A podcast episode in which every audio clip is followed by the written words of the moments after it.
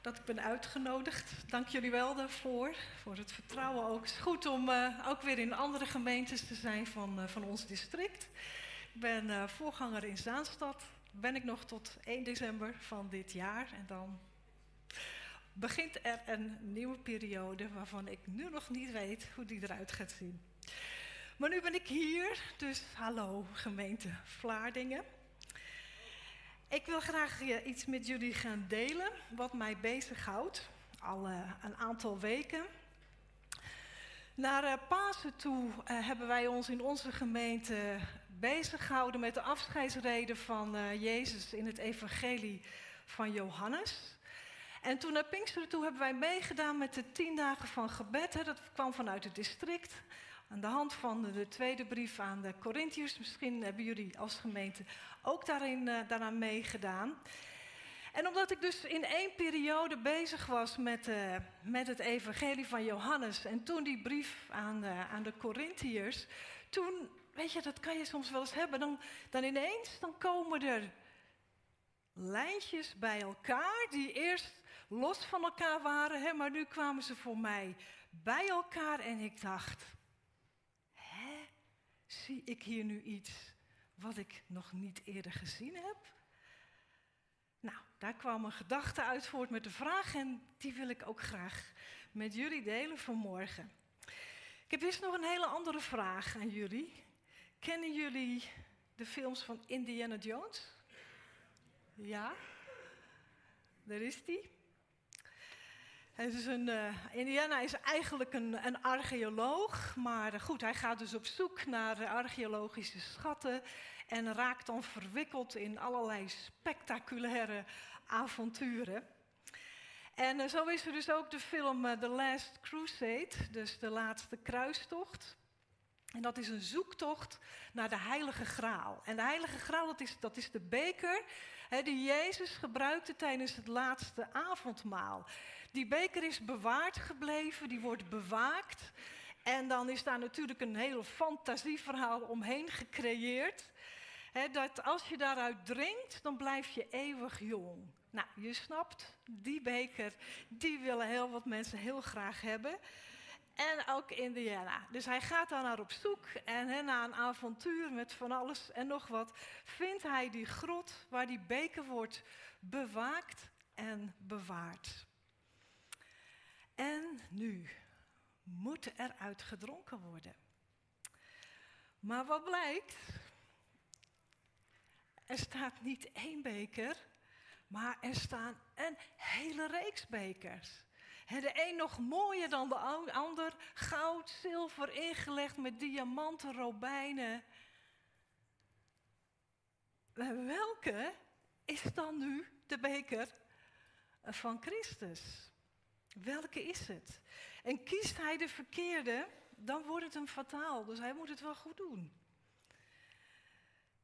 En hij moet ook kiezen, want dat kan je niet zien op deze foto, maar dat weet je misschien als je de film hebt gezien. Hij wordt namelijk onder schot gehouden door een, eh, een, schurk die deze beker ook wil hebben. En hij gelooft dat Indiana de juiste beker kan uitzoeken. Dus dat moet hij voor hem gaan doen. Nou, uiteindelijk wordt er een beker gekozen, echt de mooiste die erbij staat. diamanten, goud, zilver, van alles. De mooiste die erbij staat. Dus die, die boef die pakt die beker aan en die is zo gretig en kijkt naar die beker en denkt, oh ja, dit moet hem zijn. Deze beker is echt nog mooier dan ik het eigenlijk in mijn gedachten had. En dus drinkt hij eruit. En dat wordt hem fataal. In plaats van jong wordt hij dus in razendsnel tempo oud. Ja, en dan sterf je. Dus het wordt hem fataal. En dan moet Indy, zo wordt hij afgekort, Indy moet zelf een keuze maken. Dan moet hij gaan drinken en nu moet hij kiezen. En hij loopt daar rond hè, tussen al die bekers en hij denkt na. En hij maakt zijn afweging. En dan hoor je hem zeggen: Het moet de beker van de timmerman zijn. Het moet de beker van de timmerman zijn. En dan pakt hij een beker, de meest eenvoudige die ertussen staat. En hij heeft geen andere keuze om te kijken of het juist is door eruit te drinken. En ja, jullie raden het al, dat is de juiste. Dus Indy maakt geen keuze op grond van wat in zijn ogen waardevol is, van waarde is. Maar hij maakt die keuze op grond van wie Christus is. Ik dacht bij mezelf, nou die, die filmmakers, die hebben eigenlijk zonder dat misschien zelf te beseffen, daar heel goed neergezet die keuze waar we steeds voor staan.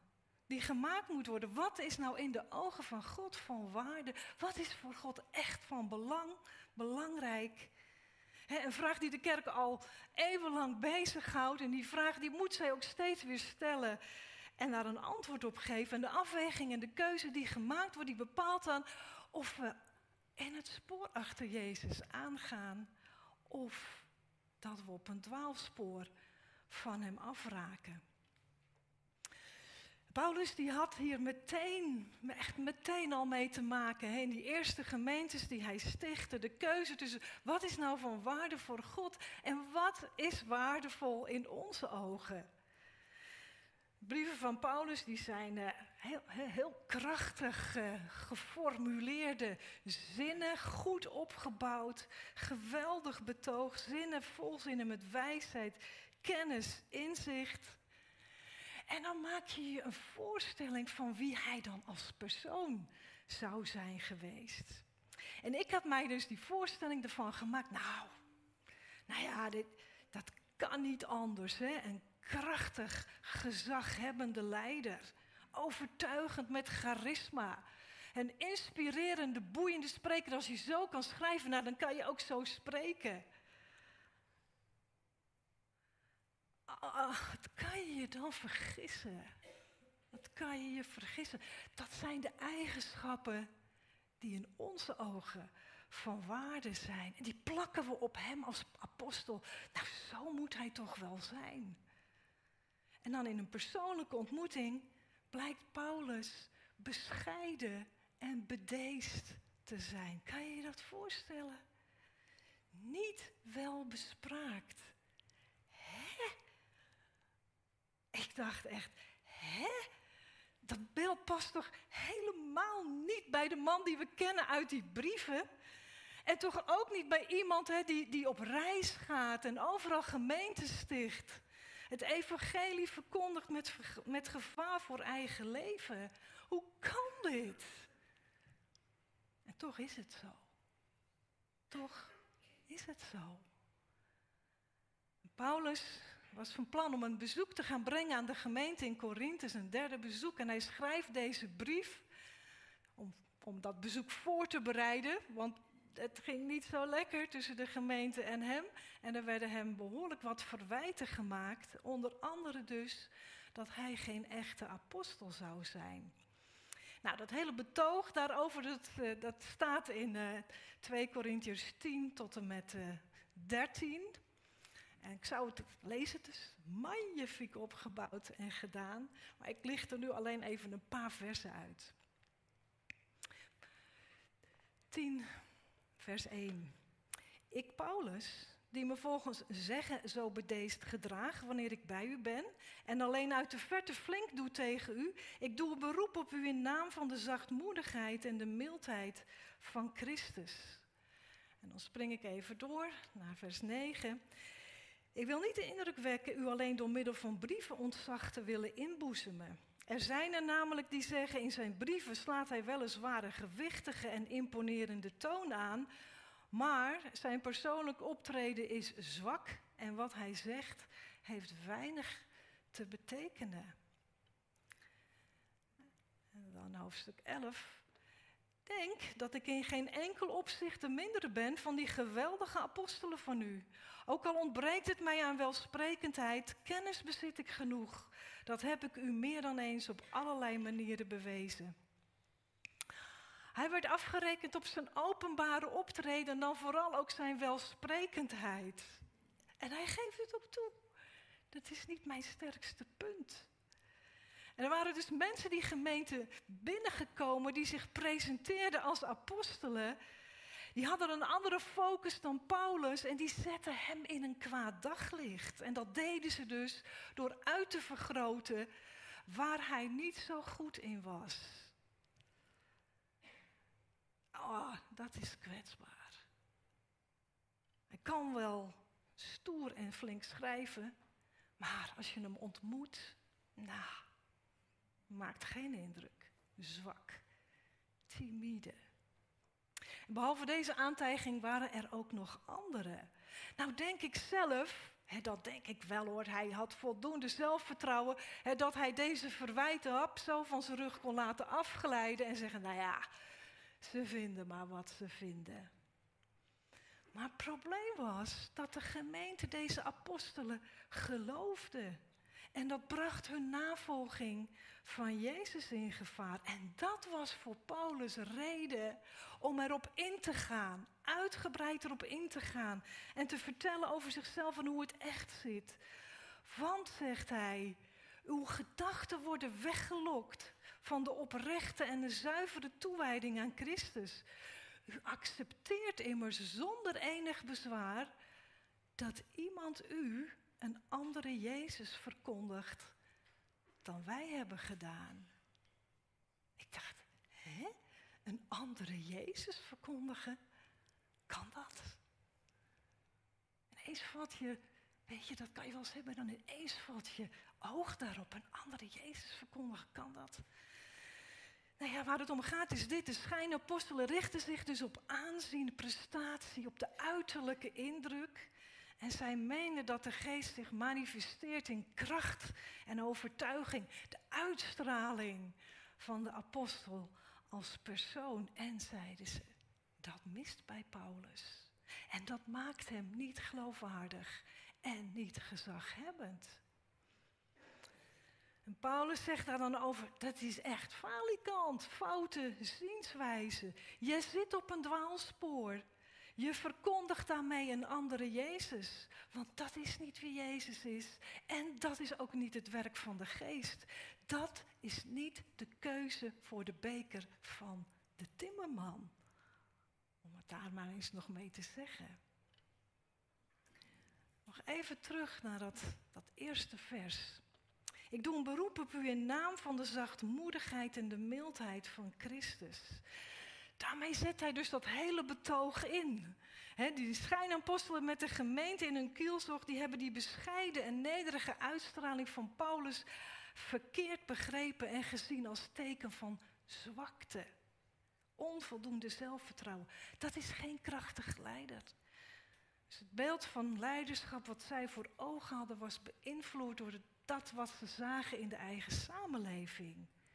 Daadkrachtig optreden. En vooral welsprekendheid. Dat was een hoog goed toen in de Grieks-Romeinse cultuur. Je moet overtuigen en indruk maken met je woorden. Retorisch heel goed onderlegd zijn. Paulus voldoet daar niet aan. Oh, hij zegt hij, maar daar gaat het nou juist ook niet om in het evangelie. En daar wil hij die gemeente de ogen voor openen. Want als je de kern van het evangelie niet begrijpt, dan mis je waar het wel om gaat. En kom je op een dwaalspoor en er is hem alles aan gelegen om die gemeente daarvoor de ogen te openen. Nou, eventjes voor een goed beeld, even voor de duidelijkheid. Paulus zegt in zijn betoog dat hij wel degelijk krachtig op kan treden als apostel, als het moet. He, zegt hij in vers 11, laat iemand die beweert dat mijn optreden zwak is en weinig te betekenen heeft, laat die gezegd zijn dat ik bij u, eenmaal bij u, precies zo zal optreden als in mijn brieven. Het is niet mis te verstaan wat hij daar zegt tegen die mensen in Korinthe. Wat hij ze voorhoudt in zijn brief. Dus ik dacht, nou, dat wil je niet face-to-face zo tegen je gezegd hebben. Dus zegt hij, ik doe, voordat ik bij u ben, nu al een beroep op u. In naam van de zachtmoedigheid en de mildheid van Christus, focus je daarop. Zachtmoedigheid en mildheid, nederigheid en eenvoud, dat zijn de karaktereigenschappen van Jezus zelf. En Jezus die juist vanwege deze eigenschappen het door God tot Heer en hoofd wordt aangesteld over alles. Over alles wat in de hemel is en alles wat op aarde is. Hij krijgt het hoogste gezag, gezag juist vanwege deze eigenschappen. En Jezus geboren in eenvoud, niets groots en aanzienlijks. Jezus opgroeit in Nazareth, niets groots en aanzienlijk. Jezus die zich verbindt met de kwetsbaren, de zondaren, de uitgestotenen, niets groots en aanzienlijk. Jezus die zijn leerlingen zoekt onder gewone mensen die niet werden opgeleid als schriftgeleerden, niets groots en aanzienlijk. Jezus die als een koning op een ezel de stad Jeruzalem binnenrijdt, niets groots en aanzienlijk. Jezus die de ondervraging zwijgzaam over zich heen laat komen. Niets groots en aanzienlijk. En Jezus die zich gewillig laat kruisigen. Niets groots en aanzienlijk. Zachtmoedigheid en mildheid, nederigheid en eenvoud. En Jezus gaat deze weg omdat dit de weg van God is. Omdat deze eigenschappen van grote waarde zijn in de ogen van God. Eigenschappen en een innerlijke gezindheid, die dus in Paulus ook zijn gestalte hebben gekregen. Maar wel dus eigenschappen die zijn opponenten in de kaart spelen, heel makkelijk zelfs. En er wordt uitgelegd als zwak. Het straalt geen gezag uit, wat een apostel wel zou moeten hebben. Eigenschappen die door hen niet worden erkend, herkend als eigenschappen van Jezus. Toen al dus, in die allereerste gemeente, zo'n twintig jaar na de opstanding van Jezus, werd nederigheid, de weg die Jezus ging, niet herkend als de weg van God. Gewoon zo simpel eigenlijk, omdat het zo haak staat op wat voor ons mensen van waarde is. Dus hoe is het voor ons, 2000 jaar later? Dus dat gevaar een andere Jezus te verkondigen is nog net zo reëel als dat het toen was. Bijvoorbeeld een Jezus verkondigen die alleen kracht en sterkte uitstraalt. Jezus overwinnaar. Of een Jezus waarbij het gaat om opzienbarende daadkracht. Jezus de wonderwerker. Een Jezus die moeite en pijn hè, uit je leven uit de weg ruimt. En Jezus die er is voor mij. Die mij geeft wat ik vind dat ik nodig heb.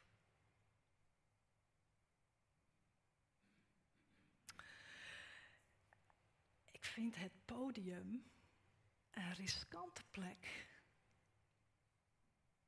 Het is een plek waar het bijzonder lastig is om nederig van hart te blijven, te zijn en te blijven.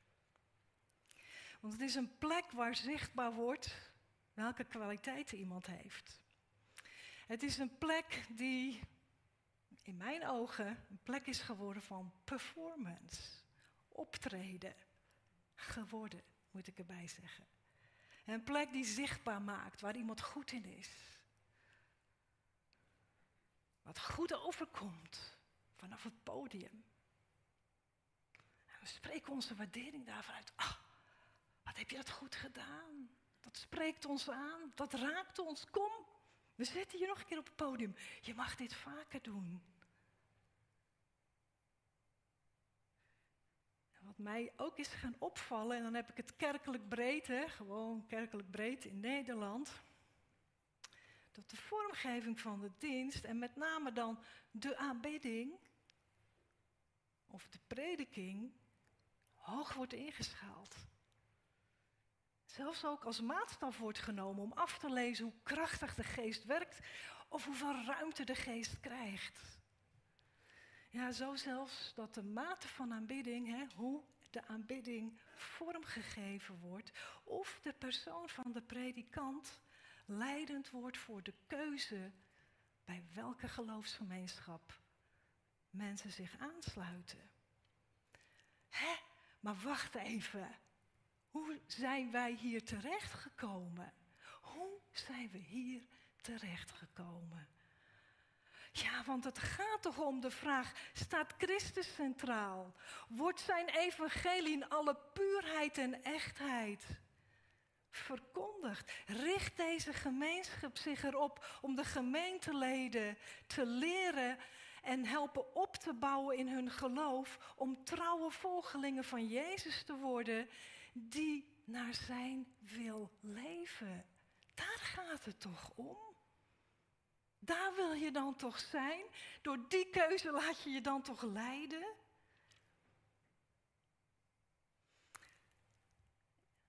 Ik ben van mening dat het podium uit de kerk moet verdwijnen. Dat heb ik tot nu toe nog niet publiekelijk zo hardop gezegd. Maar ik dacht, nou, ik ben in Vlaardingen. ik durf het hier aan.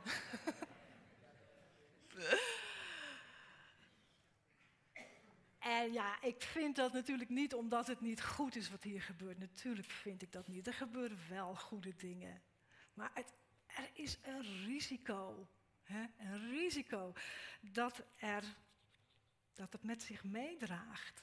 Omdat het af gaat leiden van waar het werkelijk om moet gaan. Dus ik dacht, nou, zoals in de Reformatie, hè, die beelden uit de kerk werden gehaald. Zo zouden we dan nu dat podium uit de kerk moeten halen. Maar niet met een storm van vernieling, zoals we dat toen deden. Nee, dat ik, nee, nee, dat is, dat is nou ook weer niet de weg. Nee, een storm van vernieuwing in ons denken. Word vernieuwd in je denken. Door ons bezig te houden met de vraag: welke Jezus verkondigen wij? De enige ware? Of misschien dan toch wel een andere? Is aan hoe wij met elkaar gemeente zijn en, en in onze diensten, is daar te zien welke beker wij kiezen. Die van de timmerman, ja, of toch één, die schittert, die blinkt, die we kunnen bewonderen.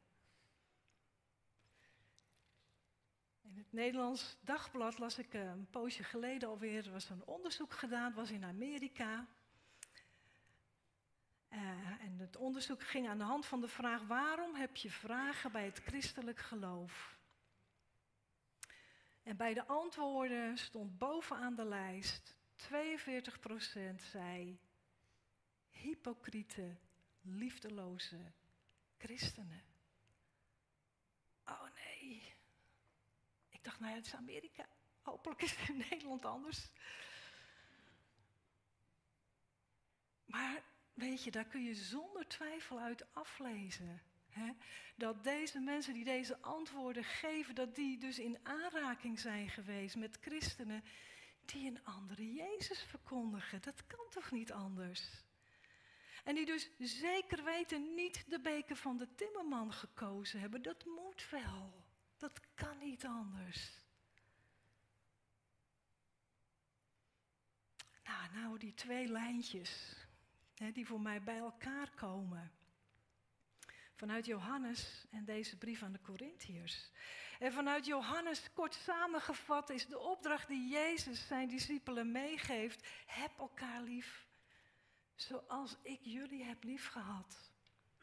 En wat Jezus ook zegt: ik ga weg, maar de trooster komt. Hij komt, ik laat jullie niet alleen achter. Hij komt en hij gaat het werk wat ik heb gedaan voortzetten. Dus de geest gaat in hetzelfde spoor verder als het spoor waar Christus in was. Hij wil in ons diezelfde gezindheid bewerken die ook in Christus was. Mildheid en zachtmoedigheid, nederigheid en eenvoud. Eigenschappen, ach ja natuurlijk, die zo broodnodig zijn om elkaar lief te hebben zoals Jezus ons lief heeft.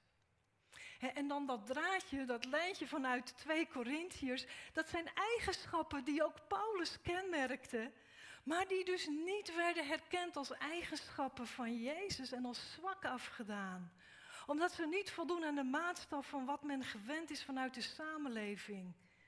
Dus twee lijntjes komen daar zo samen voor me.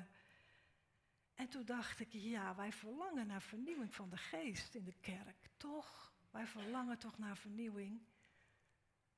Maar de geest volgt hetzelfde spoor als Jezus. Dus toen dacht ik, maar dan kan de geest geen vernieuwing geven los van de weg van Christus. De geest kan geen vernieuwing brengen los van zachtmoedigheid en mildheid, nederigheid en eenvoud. Want dat is Christus, zijn weg. Ik weet niet of je het wel eens hebt meegemaakt in de supermarkt. en Zo'n winkelwagen waar, waar zo'n wieltje vast zit. En dan wil jij naar rechts, maar dat wagentje gaat alleen maar naar links. En dan moet je met alle macht proberen het in de juiste richting te krijgen. Dat beeld kreeg ik hierbij. Dat ik dacht, oh maar de geest wil wel vernieuwing brengen. Natuurlijk, waarom niet? Maar misschien is het wel zo dat de geest ons naar rechts wil bewegen en wij steeds naar links blijven gaan. Dus kan de geest die vernieuwing niet brengen, omdat ook wij, net als in Korinthe, die eigenschappen van Jezus niet op ons netvlies hebben staan als allerhoogste prioriteit. Denken we de beker van de timmerman gekozen te hebben? En hebben we dan toch zonder het te merken de beker van de Nederlandse samenleving gekozen? Zo typeer ik het maar even. Ja, want als wij als kerk het lichaam van Christus op aarde zijn, ja, stralen wij dan datzelfde uit? Zachtmoedigheid en mildheid, nederigheid en eenvoud. Hebben die ook werkelijk in ons gestalte gekregen? En waar zijn ze dan? In onze gemeente en in onze diensten te herkennen. Welke Jezus verkondigen wij? Die vraag, die laat mij niet meer los. sinds dat tot mij gekomen. Die vraag laat mij niet meer los. Welke Jezus verkondigen wij? En ik dacht bij mezelf, Jezus had zo gelijk, hè, wat hij zegt in de bergreden. Nou is de poort naar het leven en smal de weg er. En slechts weinigen weten die te vinden. Ja, zeker, het is een smalle weg. Die weg achter Jezus aan. Niet aantrekkelijk, niet aanzienlijk en ook zeker niet makkelijk. En ook niet een weg die je toelongt waarvan je denkt, ja, nou, dat gaan we doen. Nee, maar het is wel de weg van grote waarde in de ogen van God. En de weg die tot het ware leven leidt. Ware leven. Een leven met Christus, geborgen en bewaard in Hem. Mag Hij ons op die weg leiden. Amen.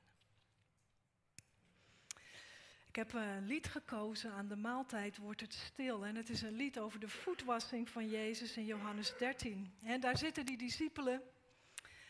En Jezus gaat knielen, voeten wassen en zij denken, oh nee Jezus, Nee, niet zo, niet zo. Dat, dit is niet wat wij willen. Dit is niet het beeld wat wij van u hebben. En ze houden hun adem in. Het wordt stil.